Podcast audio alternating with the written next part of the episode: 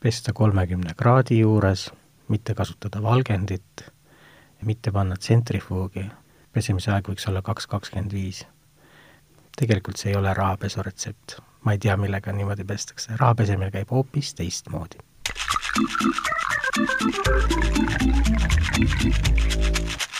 juulis kaks tuhat kaheksateist, kui Danske ehk endise Sampo juhtum kasvas üleriiklikuks skandaaliks, laekus Riigikogusse elektronkiri kelleltki, kes nimetas end lihtsalt pankuriks. peagi ilmus Eesti Päevalehes hoogne artikkel Rahapesu anatoomia, kus allikaks oli end pankuriks nimetanud isik. pankur rääkis, et Sampo kliendihaldurid, no ta nimetas neid privaatpankuriteks, ei teinud kliendi passist koopiaid õpetasid, et tähelepanu äratamiseks ei tasu teha ümmarguste summadega tehinguid ning nende väärtus ei tohiks ületada sadat tuhandet eurot. Selgitasid, mida kirjutada makse põhjenduseks, kui kaua on aega raha väljaviimiseks, enne kui konto külmutatakse. Moskva esindus aitas kliente, kellel polnud viisat või välispassi, nagu ametnikud, sõjaväelased, siseministeeriumi haldusala inimesed ja kurjategijad.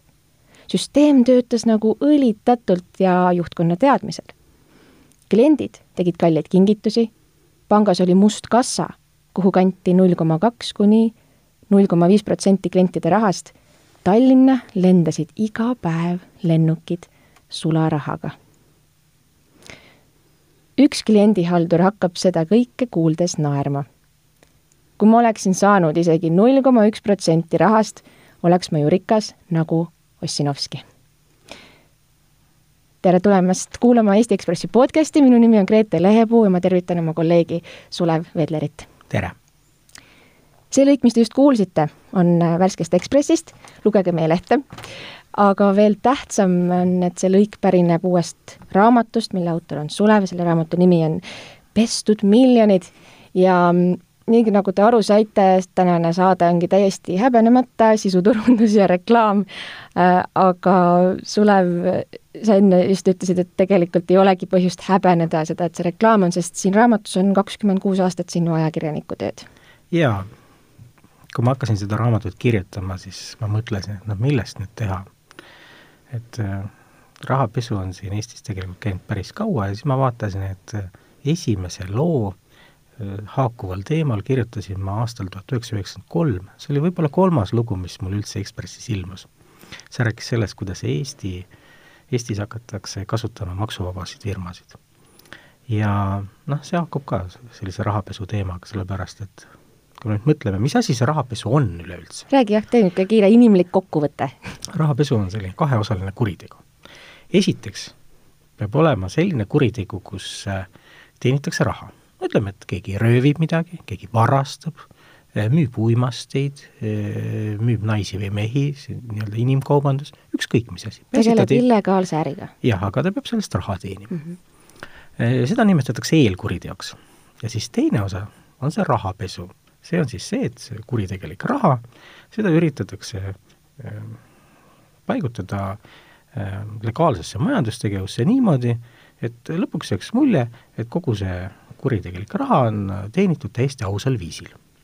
ja selleks siis seda raha tilgutatakse mingitesse teistesse äridesse, sellistesse ausatesse äridesse jupikaupa, seda kuritegelikku raha mm, sõidutatakse ühelt äh, pangakontolt teisele, ühest riigist teise ja siis kujuneb välja selline meeletult, meeletult suur võrgustik.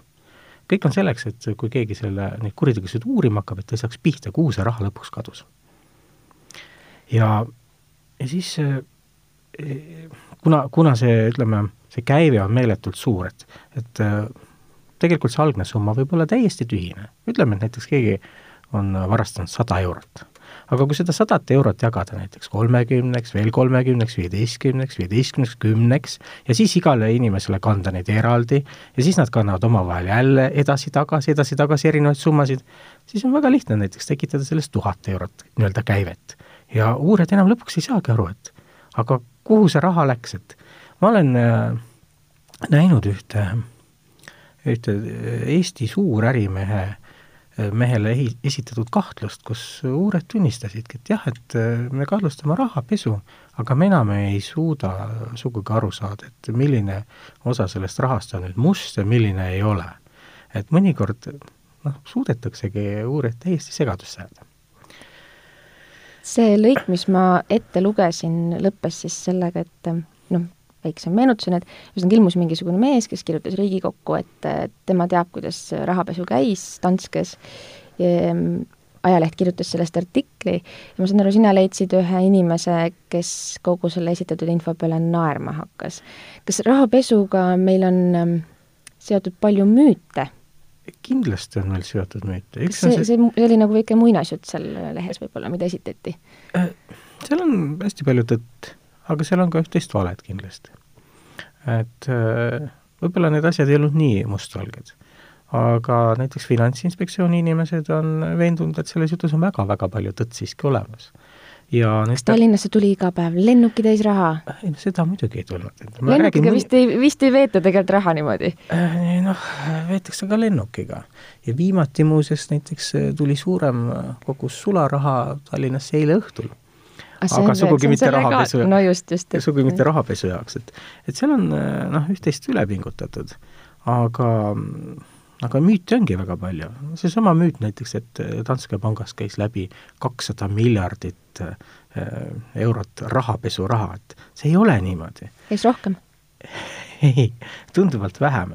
et noh, mina olen võrrelnud, võrrelnud äh, rahapesu näiteks liiklusega.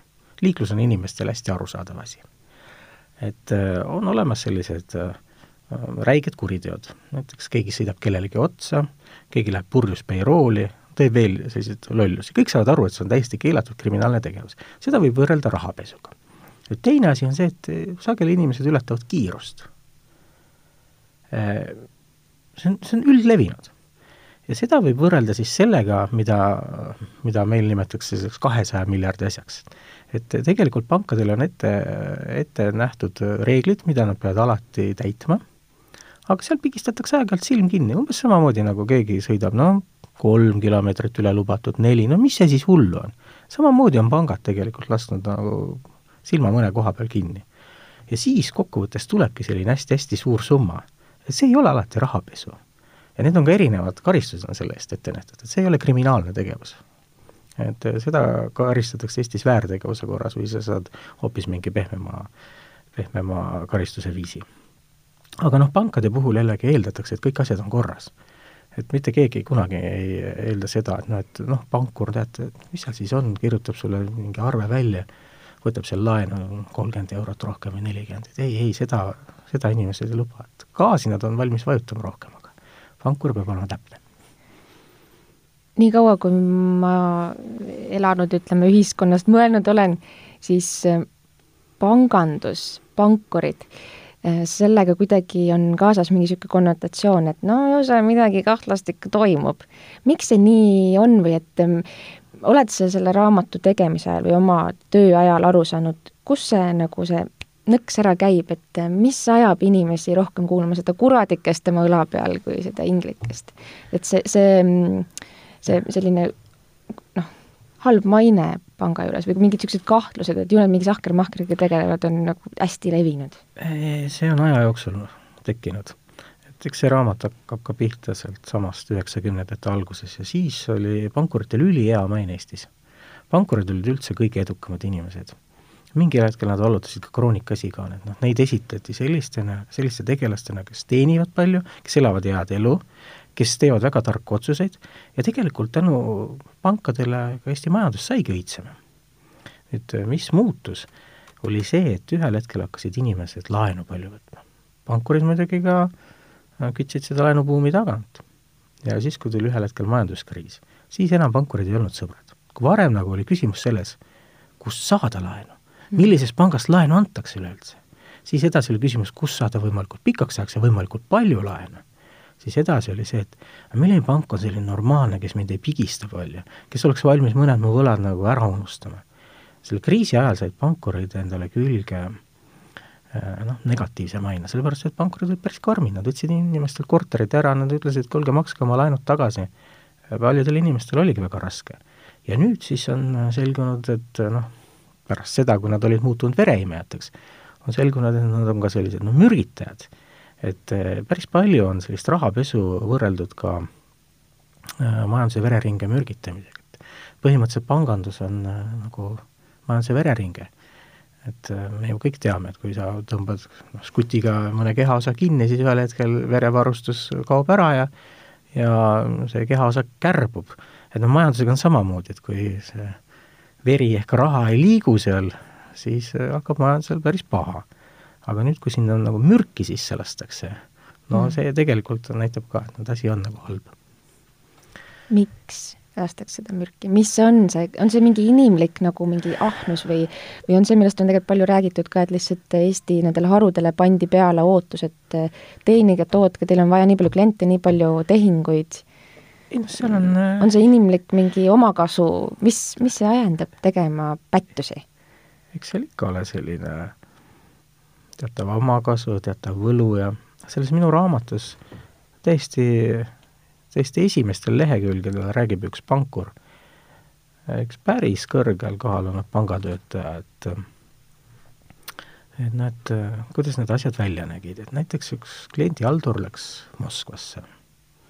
Teda võeti seal vastu, uhke limusiin sõitis lennujaama, viidi kuhugi sellisesse toredasse hoonesse, seal oli uhke mööbel, väga viisakad inimesed võtsid vastu. Kohe said aru, et teenindad jõukat inimest, täitsid vajalikud paberid ära, ja siis tuli üks jutt, et tead, et noh, et me teeme sellist suurt äri ja meil on üks väike asi ka, et et kas me saaksime siis teha nii ja nii ja nii, ja noh, need nii ja nii olid sellised asjad, mis käisid siis kas täpselt seal seaduse serva peal või noh, läksid natukene ka üle.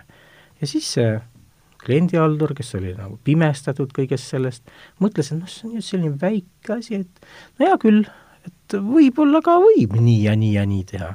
ja järgmine kord, kui ta siis sinna sattus, sellepärast et noh, et ikka kutsuti Moskvasse kliendi tuttava tuttav või tuttav siis äh, Äh, tahtis ka samasuguseid teenuseid kasutada, siis ka tema ütles, et näed, et sõber ju sai niimoodi teha, et mis siis oleks, kui saaks ka mina ja ja niimoodi need asjad hakkasid levima.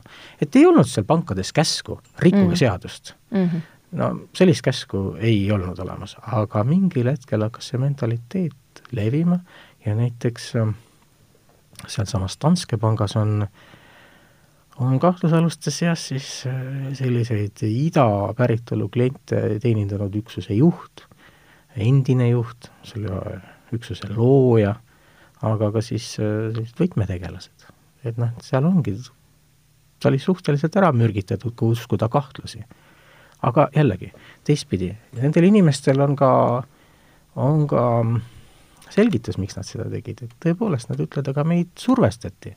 meile öeldi, et kuulge, tehke, tehke niimoodi. ja veel üks asi on, et äh, varem olid seadused tunduvalt leebemad kui praegu mm. -hmm. kogu aeg on asi karmimaks läinud mm. -hmm. ja kui inimesed on mida, milleski ära harjunud, varem võis nii teha, siis nad loodavad, et tulevikus võib ka nii teha. vot praegu siis äh, nuheldaksegi neile neid vanu patte kaela aga see on nagu niisugune ju mainealane nuhtlemine selles mõttes, et see noh, kuritegu ähm, et kui, kui toona seadus, see ei olnud ebaseaduslik, siis seda ju ei saa nagu kuritegevuseks pidada. ja ei saagi kuritegevuseks pidada, sellepärast ongi vaadatakse ju toonast seadusraamistikku. jaa, täpselt nii. Ja, ja sellepärast ongi niimoodi, et siin ongi suur vahe selles, et räägitakse mingist müütilisest kahesajast miljardist näiteks Danske puhul ja samal ajal see kriminaaluurimine äh, on seotud kaks, äh, kümme korda väiksema summaga. et et äh, see, mis on päris rahapesu kahtlustatakse ja see, millest siis müüt räägib, need on väga-väga erinevad asjad. ega päris vabandust, tuhat korda väiksema summa mm -hmm. isegi. kahtlustus võib-olla lihtsalt ei, ähm, ta peab esitama nagu kahtlustuse kindlatele asjadele, aga ajakirjanikud, kes sellest kahesajast miljardist räägivad, neil on ähm, võib-olla omad allikad? ei, ei, ei noh, kui sul on omad allikad, siis ajakirjanik saab ju ka rahulikult politseile esitada. Mm.. et tegelikult on ka see pank öelnud, et nad see kakssada miljardit tähendab seda, et äh, see puudutab kõiki selliseid kliente, kes olid siis kas äh, offshore firmad või, või sellised äh, mitteresidendid, et pank ei ole viitsinud lihtsalt kontrollida, kas tegemist on, on kuritegeliku, kas seal ongi mingit kahtlust olemas mm, -hmm. et võtame kõik seda, seda tüüpi kliendid, võtame kõik nende tehingud, paneme nad ühte patta ja avaldame paneme natukene isegi võib-olla juurde. siis ei saa keegi öelda, et me oleme midagi pisendanud et pigem on Danske Bank läinud seda teed pidi mis on ka iseenesest nagu mõistlik asi, et ühekorraselt selle hullu laksu ära ja, ja kõik edas, edaspidised uudised ütlevad, et aga asi ei olnudki nii hull kas sa oled politseile teinud teate? Kuriteo teate? oma töö põhjal, oled saanud teada midagi, öelnud, et kuulge, teate, ma kuulsin üks lugu, hakake, äkki, äkki tasub uurida? ei, ma olen politseiga rääkinud küll mingeid äh, vihjeid andnud, et äh, mitte politseiga, prokuratuuriga mm, -hmm, et mm, -hmm. et äh, noh, milliseid asju võiks olla, aga selgub, et nad on ise kõiki neid asju varem teadnud, et politseina on Eestis tegelikult olnud päris hästi informeeritud. kahjuks sellest raamatust tuleb välja ka see, et et meil on mõningaid uurimisi olnud, mis, mis on nagu järjest, järjest pekki läinud. miks? seal on lohakat tööd tehtud, ei ole viitsitud nagu lõpuni minna ja ja seal on ka väga-väga suur surve nendelt inimestelt, kes, kelle raha on vahele jäänud. ta on olemas üks selline juhtum, mida nimetatakse Ateka case'iks. Äh, see jääb nüüd juba selle kümnendi algusesse. et äh, see on selles mõttes haruldane juhtum, et tavaliselt äh, rahapesu uurimine käib niimoodi, et uurijad liiguvad mööda külmi jälgi, ehk nad vaatavad, kus raha on läinud, aga nad ei jõua kunagi selle raha endani. Ateka juhtumis oli teistmoodi, et seal suudeti ka päris märkimisväärne summa arestida, miljonid jäid kinni. ja kui nüüd miljonid siin me räägime kroonidest vist veel? ei, siin me räägime juba dollaritest ja eurodest mm. -hmm. et seal oli selles mõttes täitsa suured summad ja muidugi siis nendel inimestel, kelle rahaga oli tegemist, hakkas väga-väga valus seepärast, et neil oli reaalne oht, et nad jäävad sellest rahast ilma. ja sellises olukorras siis üritataksegi kõikvõimalikke vastutööd teha. et ka selles case'is esitati näiteks valedokumente, püüti mm. väita, et mingit kuritegu ei ole kuskil toimunud ja nii edasi ja nii edasi. Prokuröre kiusati ka? prokuröre kiusati. ja, ja noh, kõigele lisaks seal tundub, et ka uurijad ise olid piisavalt kiuslikud, et ähm, seal on päris palju räägitud korruptsioonikahtlustest, noh et tead, alati on võimalik see raha ju vabaks saada, kui sa maksad, samas jällegi äh, saab öelda, et noh, on kellelgi pakutud altkäemaksu, sest need kõik võivad olla ka väljamõeldised. Ja see väga-väga huvitav protsess on, või oli. see lõppes sellega, et äh, see asi jõudis kohtusse. äh,, kohtuprotsess oli pikk ja üllatus-üllatus, ei suudetud ära tõestada seda niinimetatud eelkuritegu, et kust kuriteost oli pärit raha. raha oli ja väga-väga imelikest allikatest, liikus täiesti ebaloomulikult, aga mitte keegi ei suutnud öelda, et tegemist oli kuriteoga hangitud rahaga. mis tähendab seda, et ATK juhid ja, ja töötajad ja see firma ise mõisteti õigeks. prokurör oli muidugi tulivihane, kaebas edasi, ringkonnakohus ütles, siiski ei ole rahapesu ja Riigikohus ei võtnud seda asja arutada, arutada ja siis kukkuski see läbi. ja pärast seda valitses äh, prokuratuuris mitu aastat must masendus. et lihtsalt äh, ei julgetud äh, sel-, samasuguseid riskantseid juhtumeid enam äh, kohtusse viia ja siis need inimesed, kes, kes rahapesu vastu või rahapesuga tegelesid ja midagi taolist, siis noh, nemad said sealt nagu hoogu juurde et sellel ajal just hoogustuski Eestis sellise hämara päritoluga raha läbivool. kui palju sellest oli rahapesu, see on omaette küsimus.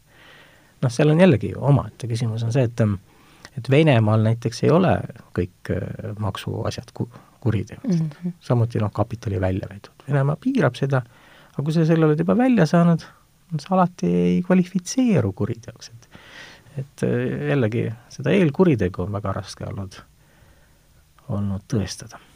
kas su raamatus on mõni allikas, kes tunnistab sulle üles kuriteo? tegelikult kas või seesama kliendihaldur, kellest jutt oli ähm,. noh, tema ei tunnista ta otseselt, otseselt, tema ütleb, et tema tegi oma tööd kas nad tunnistavad siin kui ta oma nime alt räägiks, tõenäoliselt ta satuks politsei huviorbiiti või prokuratuuri. ta on politsei huviorbiidis. kuidas sa rääkima saad, niisugused tüübid? lihtsalt äh, küsid, jah? lihtsalt küsid, jah mõnikord küsija suu peale lüüakse mõnikord ei lööda.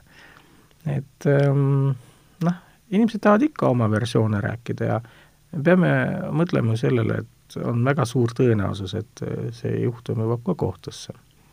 Ja siis nad räägivad ikka oma versiooni ära, mis nad tegid. et noh, neil oligi meeletult suur surve, aega oli vähe, kliente oli väga palju, kujutad ette, et me kirjutame siin Ekspressis ühe loo nädalas tavaliselt, no siis on veel mingid nupud juurde. see mõnikord tundub, et seda on päris palju.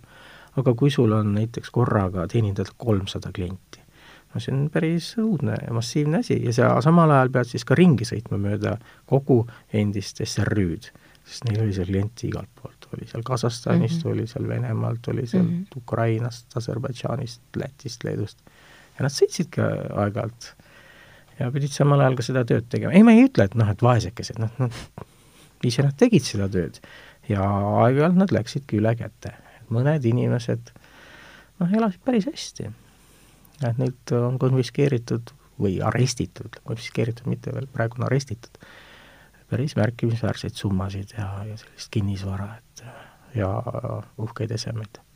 mis tekitab ka kahtlust, kuidas pangatöötajal ikkagi nii palju vara on tekkinud kas rahapesu ja finantskuritegudest kirjutamine, on see siis selle raamatu jaoks või sinu varasemas töös, on see sul tekitanud tunnet, et peaks koju minnes tänaval üle õla vaatama või mingeid olukordi, kus äh, ma ei tea, sa vaatad, mõni auto sõidab sulle järgi? nii, selle loo puhul küll ei ole, sellepärast et need on asjad ju, mille, mida on juba Äh, siis kas Finantsinspektsioon või, või prokuratuur, politsei on siis juba tegutsenud.